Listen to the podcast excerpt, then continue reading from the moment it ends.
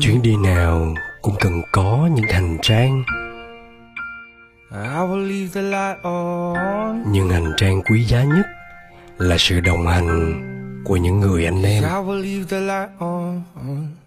anh em đã có những người bạn đồng hành đã có những người partner đã có những người bạn thật sự thân thiết ở trong thị trường cryptocurrency này chưa um, không những là ở trong thị trường cryptocurrency mà trong bất kỳ một lĩnh vực công việc nghề nghiệp sự nghiệp thì mối quan hệ đóng một cái vai trò rất là quan trọng quyết định đến việc là anh em có thành công đối với cái thị trường đó hay không.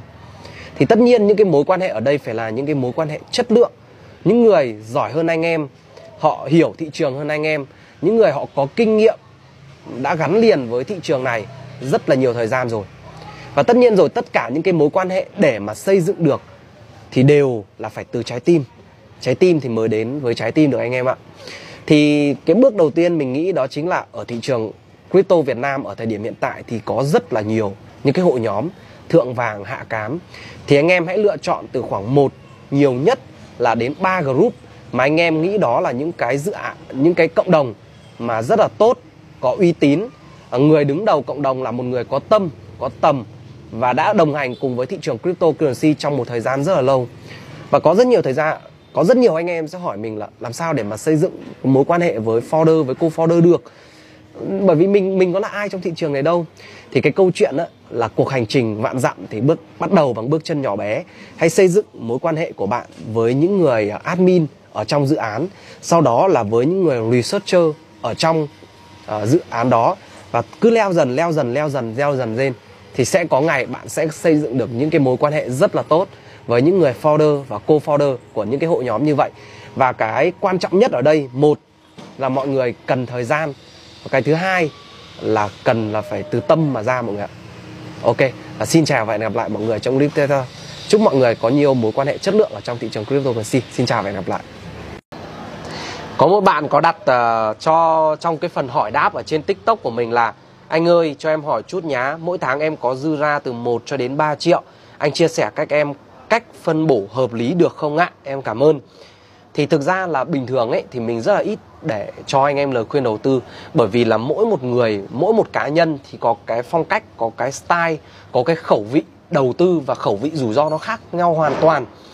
Và ở với trường hợp này á, thì nếu nếu như bạn là em gái của mình á thì với số tiền là dư ra từ 1 cho đến 3 triệu một tháng thì mình sẽ khuyên em gái mình là chỉ nên tập trung mua Bitcoin và Ethereum.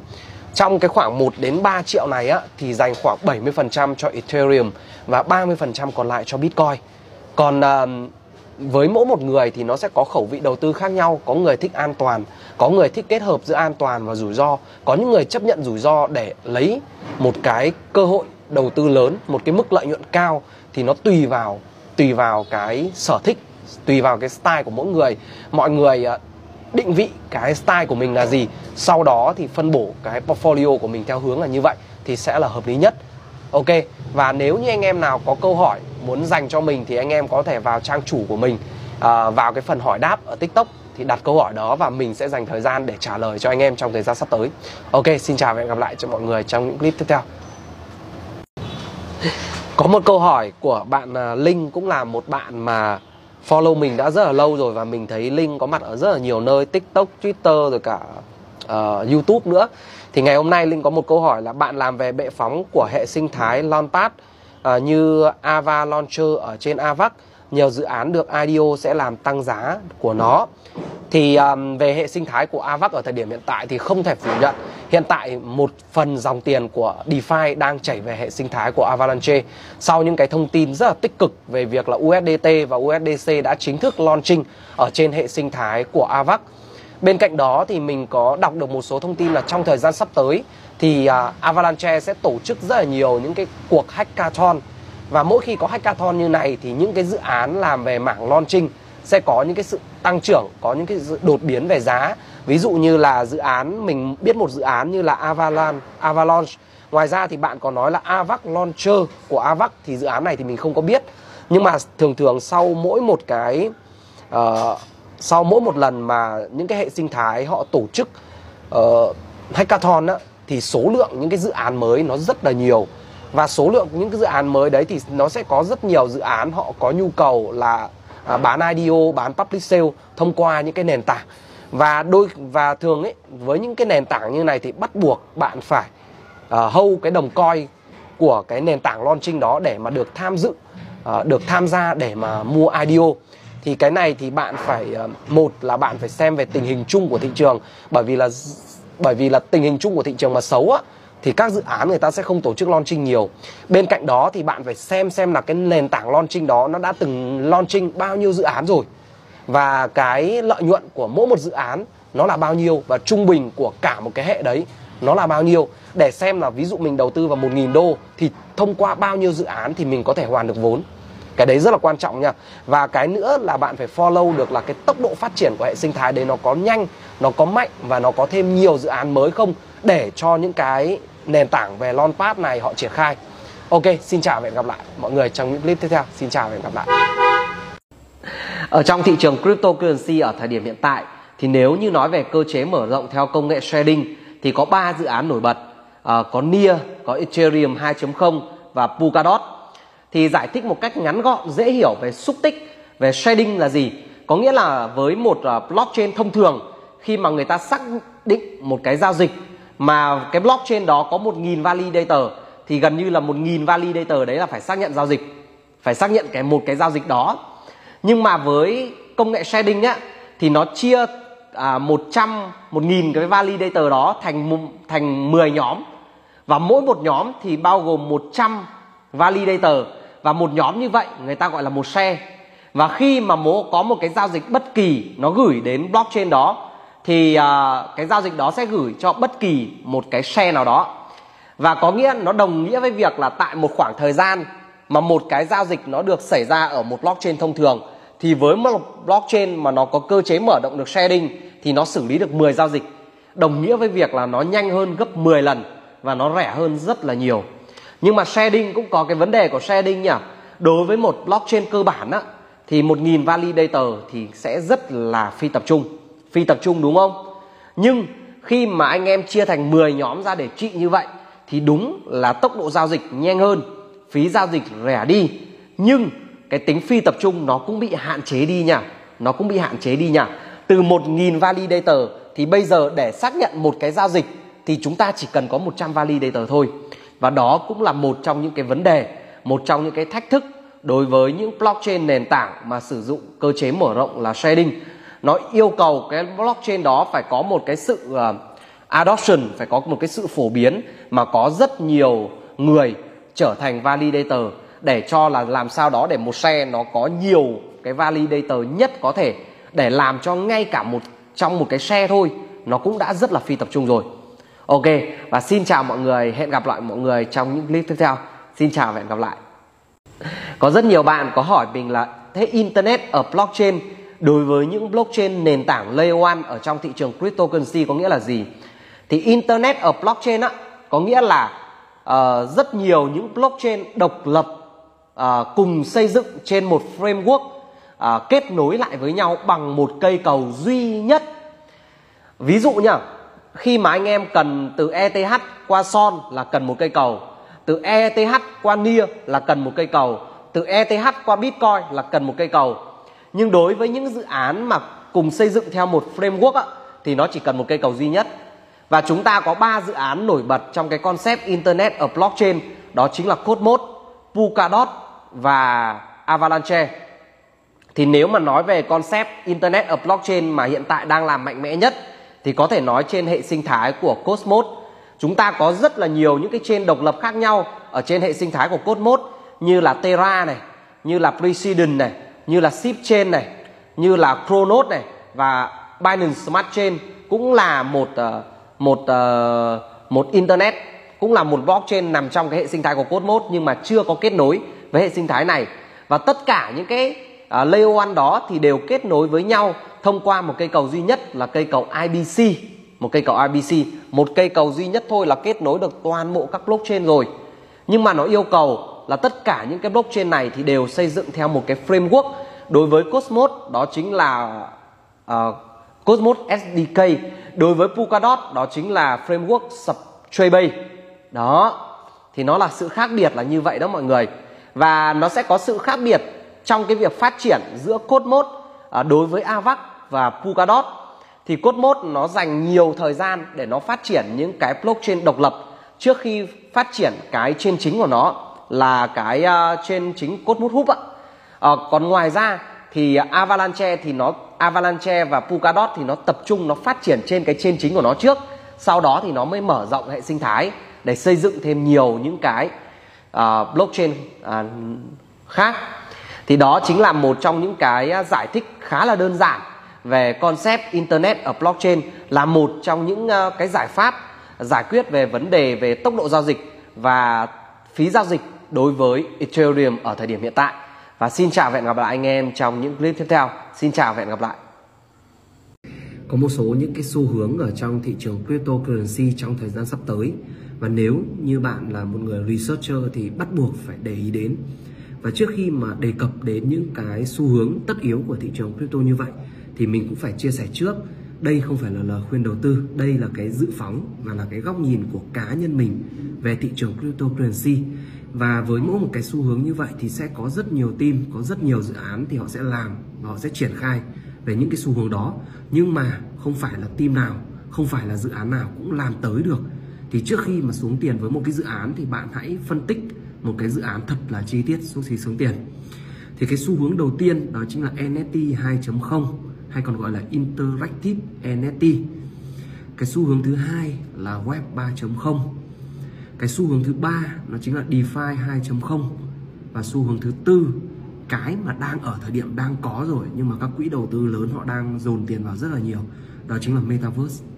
Và hãy tìm hiểu thật là kỹ trước khi xuống tiền và đối với mỗi một cái xu hướng như này thì mình sẽ dành thời gian để mà mình làm video và dành thời gian để live stream cho mọi người. Thì hẹn gặp lại mọi người trong clip tiếp theo. Xin chào và hẹn gặp lại. Một trong những cách để anh em có thể xác định được những xu hướng bền vững ở trong thị trường cryptocurrency đó chính là thời gian gần đây thì anh em đã biết rất nhiều đến những cái từ keyword như là interactive NFT hay còn gọi là NFT 2.0, uh, DeFi 2.0 hay là Web 3.0 thì tất cả những cái xu hướng này thì anh em đều thấy là nó đều là 2.0 hoặc là 3.0 đúng không?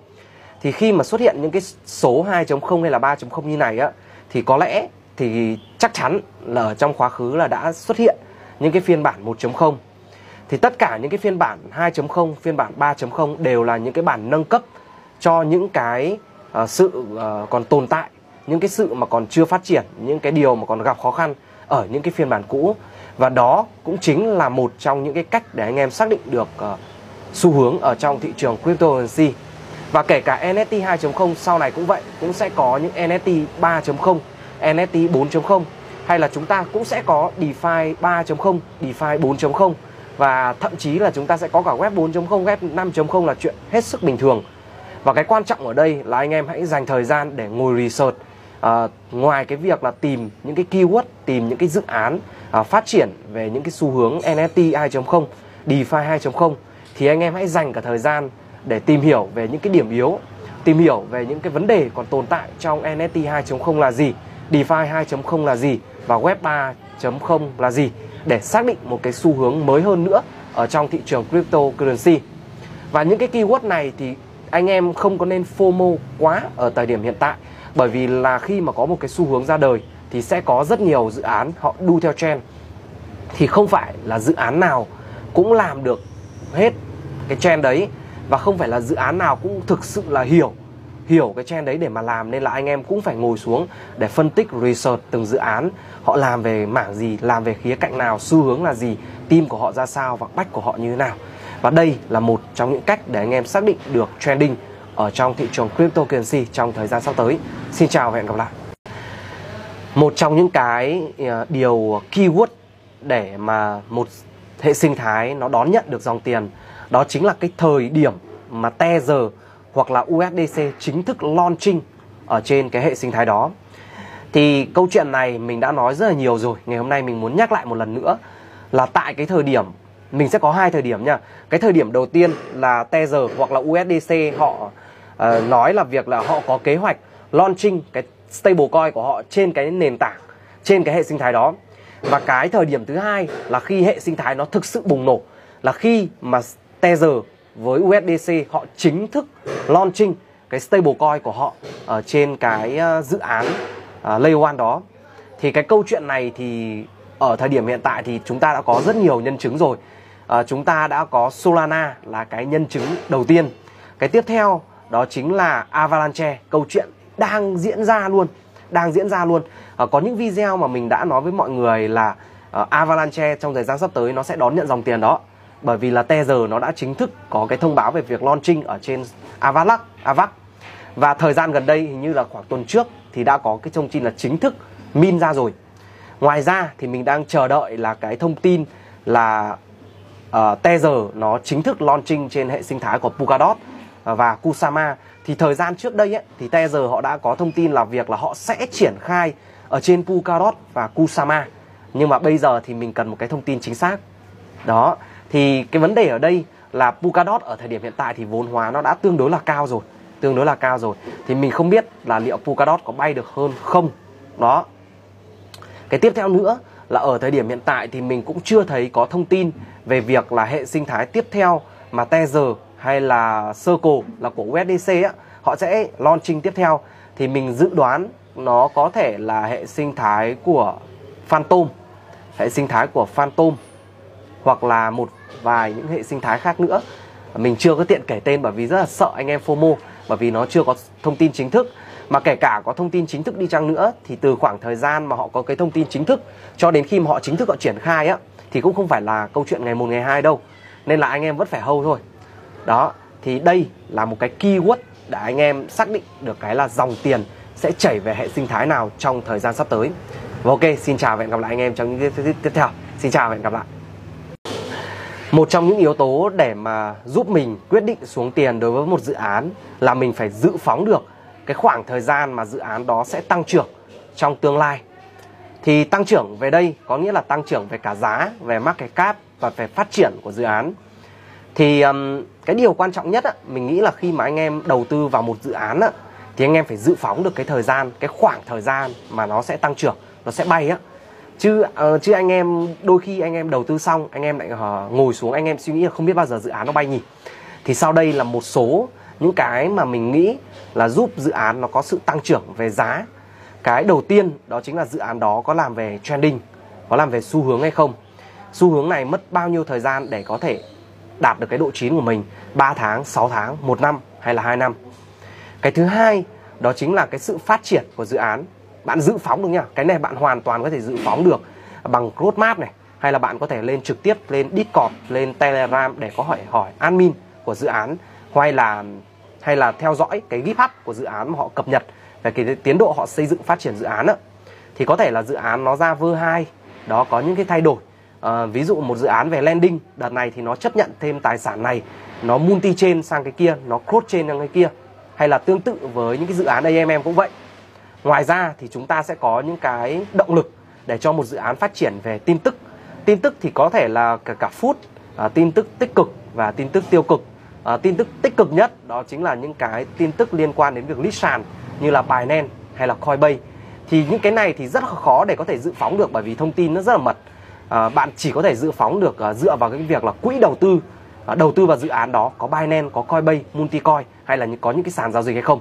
Đó hoặc là bạn hãy à, xem xét những cái yếu tố à, những cái những cái gọi là đặc điểm để một dự án để có thể làm được, để mà có thể đủ điều kiện để list lên những cái sàn lớn.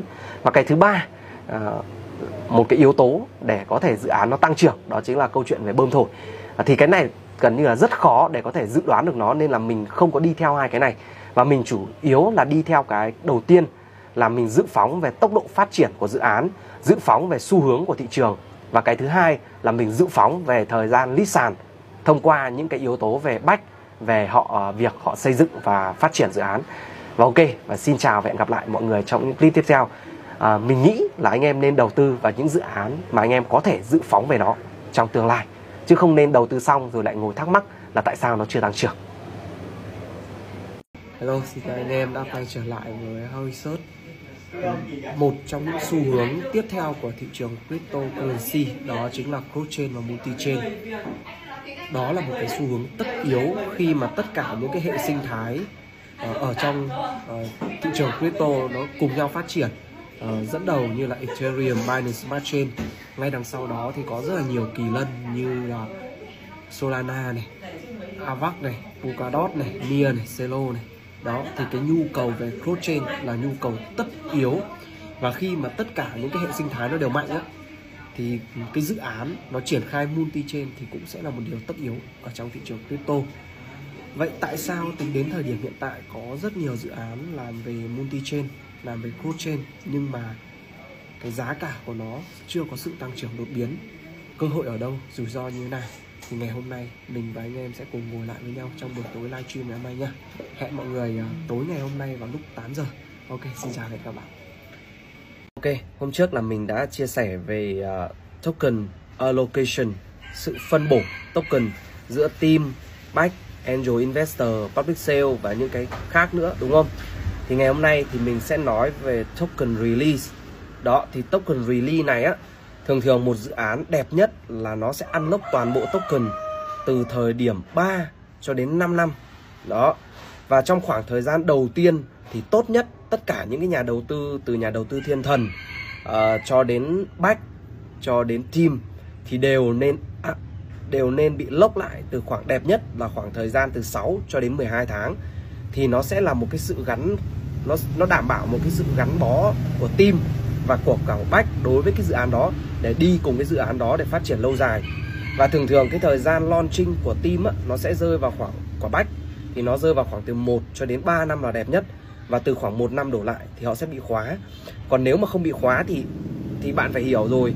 Uh, team hay là back hay là angel investor uh, khi mà dự án nó đã lít sàn rồi á kể cả lít những sàn bé mà cát mắc cái cáp của nó chỉ khoảng vài chục triệu thôi 50 triệu thôi là họ đã ít khoảng 20 30 40 thậm chí là 50 lần là chuyện rất là bình thường nên là ngay sau khi mà dự án đó launching cái token xong á thường thường là họ chỉ để cho cái đội mà mua được public sale là những nhà đầu tư nhỏ lẻ như anh em mình á thì được unlock token luôn. Còn ví dụ như nếu mà họ cho team với cả bách mà unlock token luôn á thì dự án luôn luôn là có áp lực xả nha. Luôn luôn là có áp lực xả. Ờ, sẽ có những cái dự án mà team với bách nó không xả để nó bơm cái dự án đó lên một cái volume rất là cao market cap rất là cao để khi mà nó xả thì nó không ảnh hưởng quá nhiều ví dụ như Solana đó. Còn ví dụ như con Parrot á, là ngay thời điểm đầu tiên là nó đã unlock cho team với cả bách là đâu đó là 10 10 hay là 20 phần trăm tổng cái việc tổng token họ có nên là việc mà con parrot từ IDO nó chia hai nó chia ba chia 4 á là chuyện mình thấy cũng rất là bình thường. Rồi thì bạn phải nhìn lại một số những cái dự án.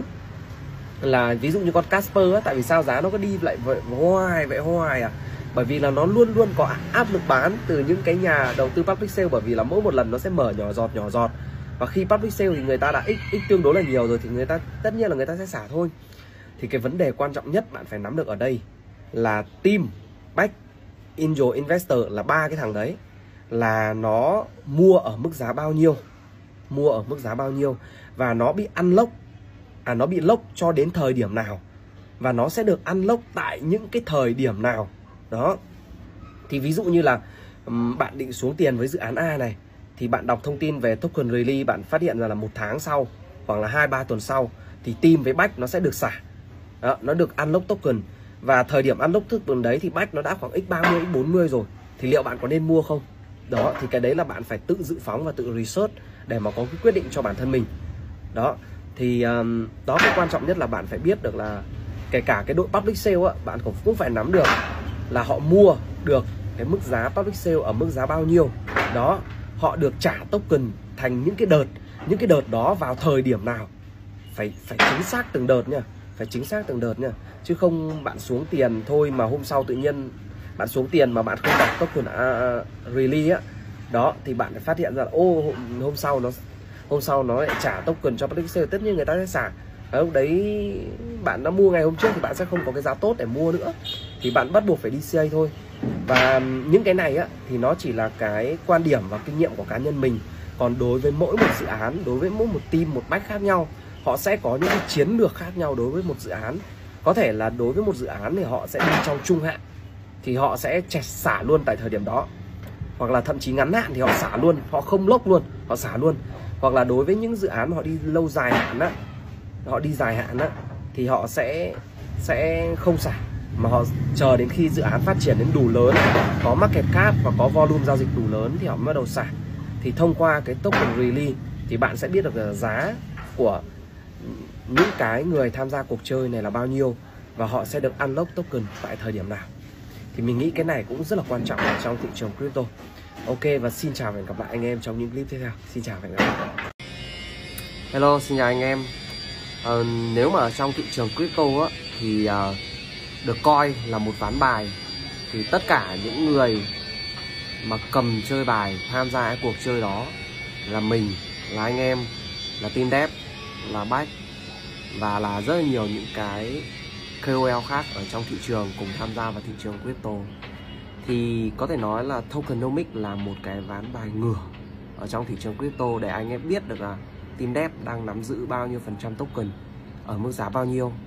Ờ, uh, lốc trong thời gian bao nhiêu và bắt đầu lốc từ thời điểm ăn lốc từ thời điểm nào. Ngoài ra thì nó sẽ tương tự với cái những cái quỹ đầu tư lớn à, như những cái quỹ bách hay là những cái quỹ đầu tư thiên thần từ giai đoạn đầu. Và cuối tuần này thì mình sẽ có một cái buổi livestream để chia sẻ à, những cái nhìn nhận đánh giá để giúp mọi người hiểu về tokenomics. Và trước khi mọi người xuống tiền cho với một cái dự án ấy, thì mọi người phải biết và hiểu về tokenomics là gì và cách nó vận hành như thế nào. Ok, hẹn gặp lại mọi người vào thứ bảy nhé.